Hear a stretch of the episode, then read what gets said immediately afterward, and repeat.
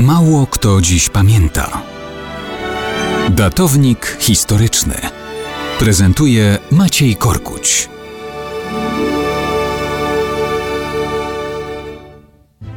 Mało kto dziś pamięta, że 19 marca 1938 roku, a więc równe 80 lat temu, zostały wreszcie nawiązane stosunki dyplomatyczne między Republiką Litewską a Rzeczpospolitą Polską.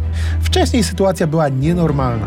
Władze Litwy nie zważały na to, że Wileńszczyzna jest zamieszkana przez ludność polską, która w sposób jednoznaczny opowiedziała się w wolnych wyborach do Sejmu Wileńskiego za przynależnością do Rzeczypospolitej.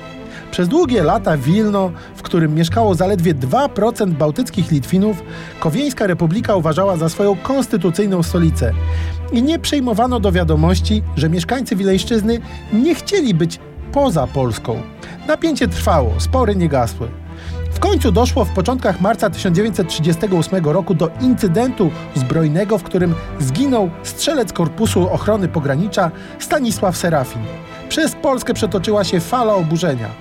Władze wysłały pod adresem rządu w Kownie ultimatum.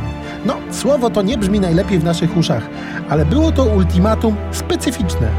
Polacy nie żądali bowiem od Kowna w gruncie rzeczy niczego oprócz nawiązania normalnych stosunków międzypaństwowych. I tyle.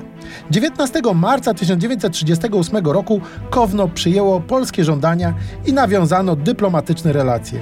Sprzyjały temu także nastroje wielu mieszkańców Litwy Kowieńskiej, którzy uważali, że najwyższy czas normalnie współpracować z Polską. Trzeba przyznać, że był to ważny moment. Wielu kowieńskich Litwinów zaczęło rozumieć, że od istnienia wolnej Polski zależy także wolność mniejszych krajów regionu. W 1939 roku, w czasie wrześniowej tragedii Polski zaatakowanej przez totalitarne mocarstwa, Litwa, mimo nacisków, zachowała neutralność. Niestety szybko okazało się, że Litwa stała się obiektem agresji sowieckiej. Potwierdziło się, że bez wolnej Polski nie ma w Europie miejsca także na wolność Litwy.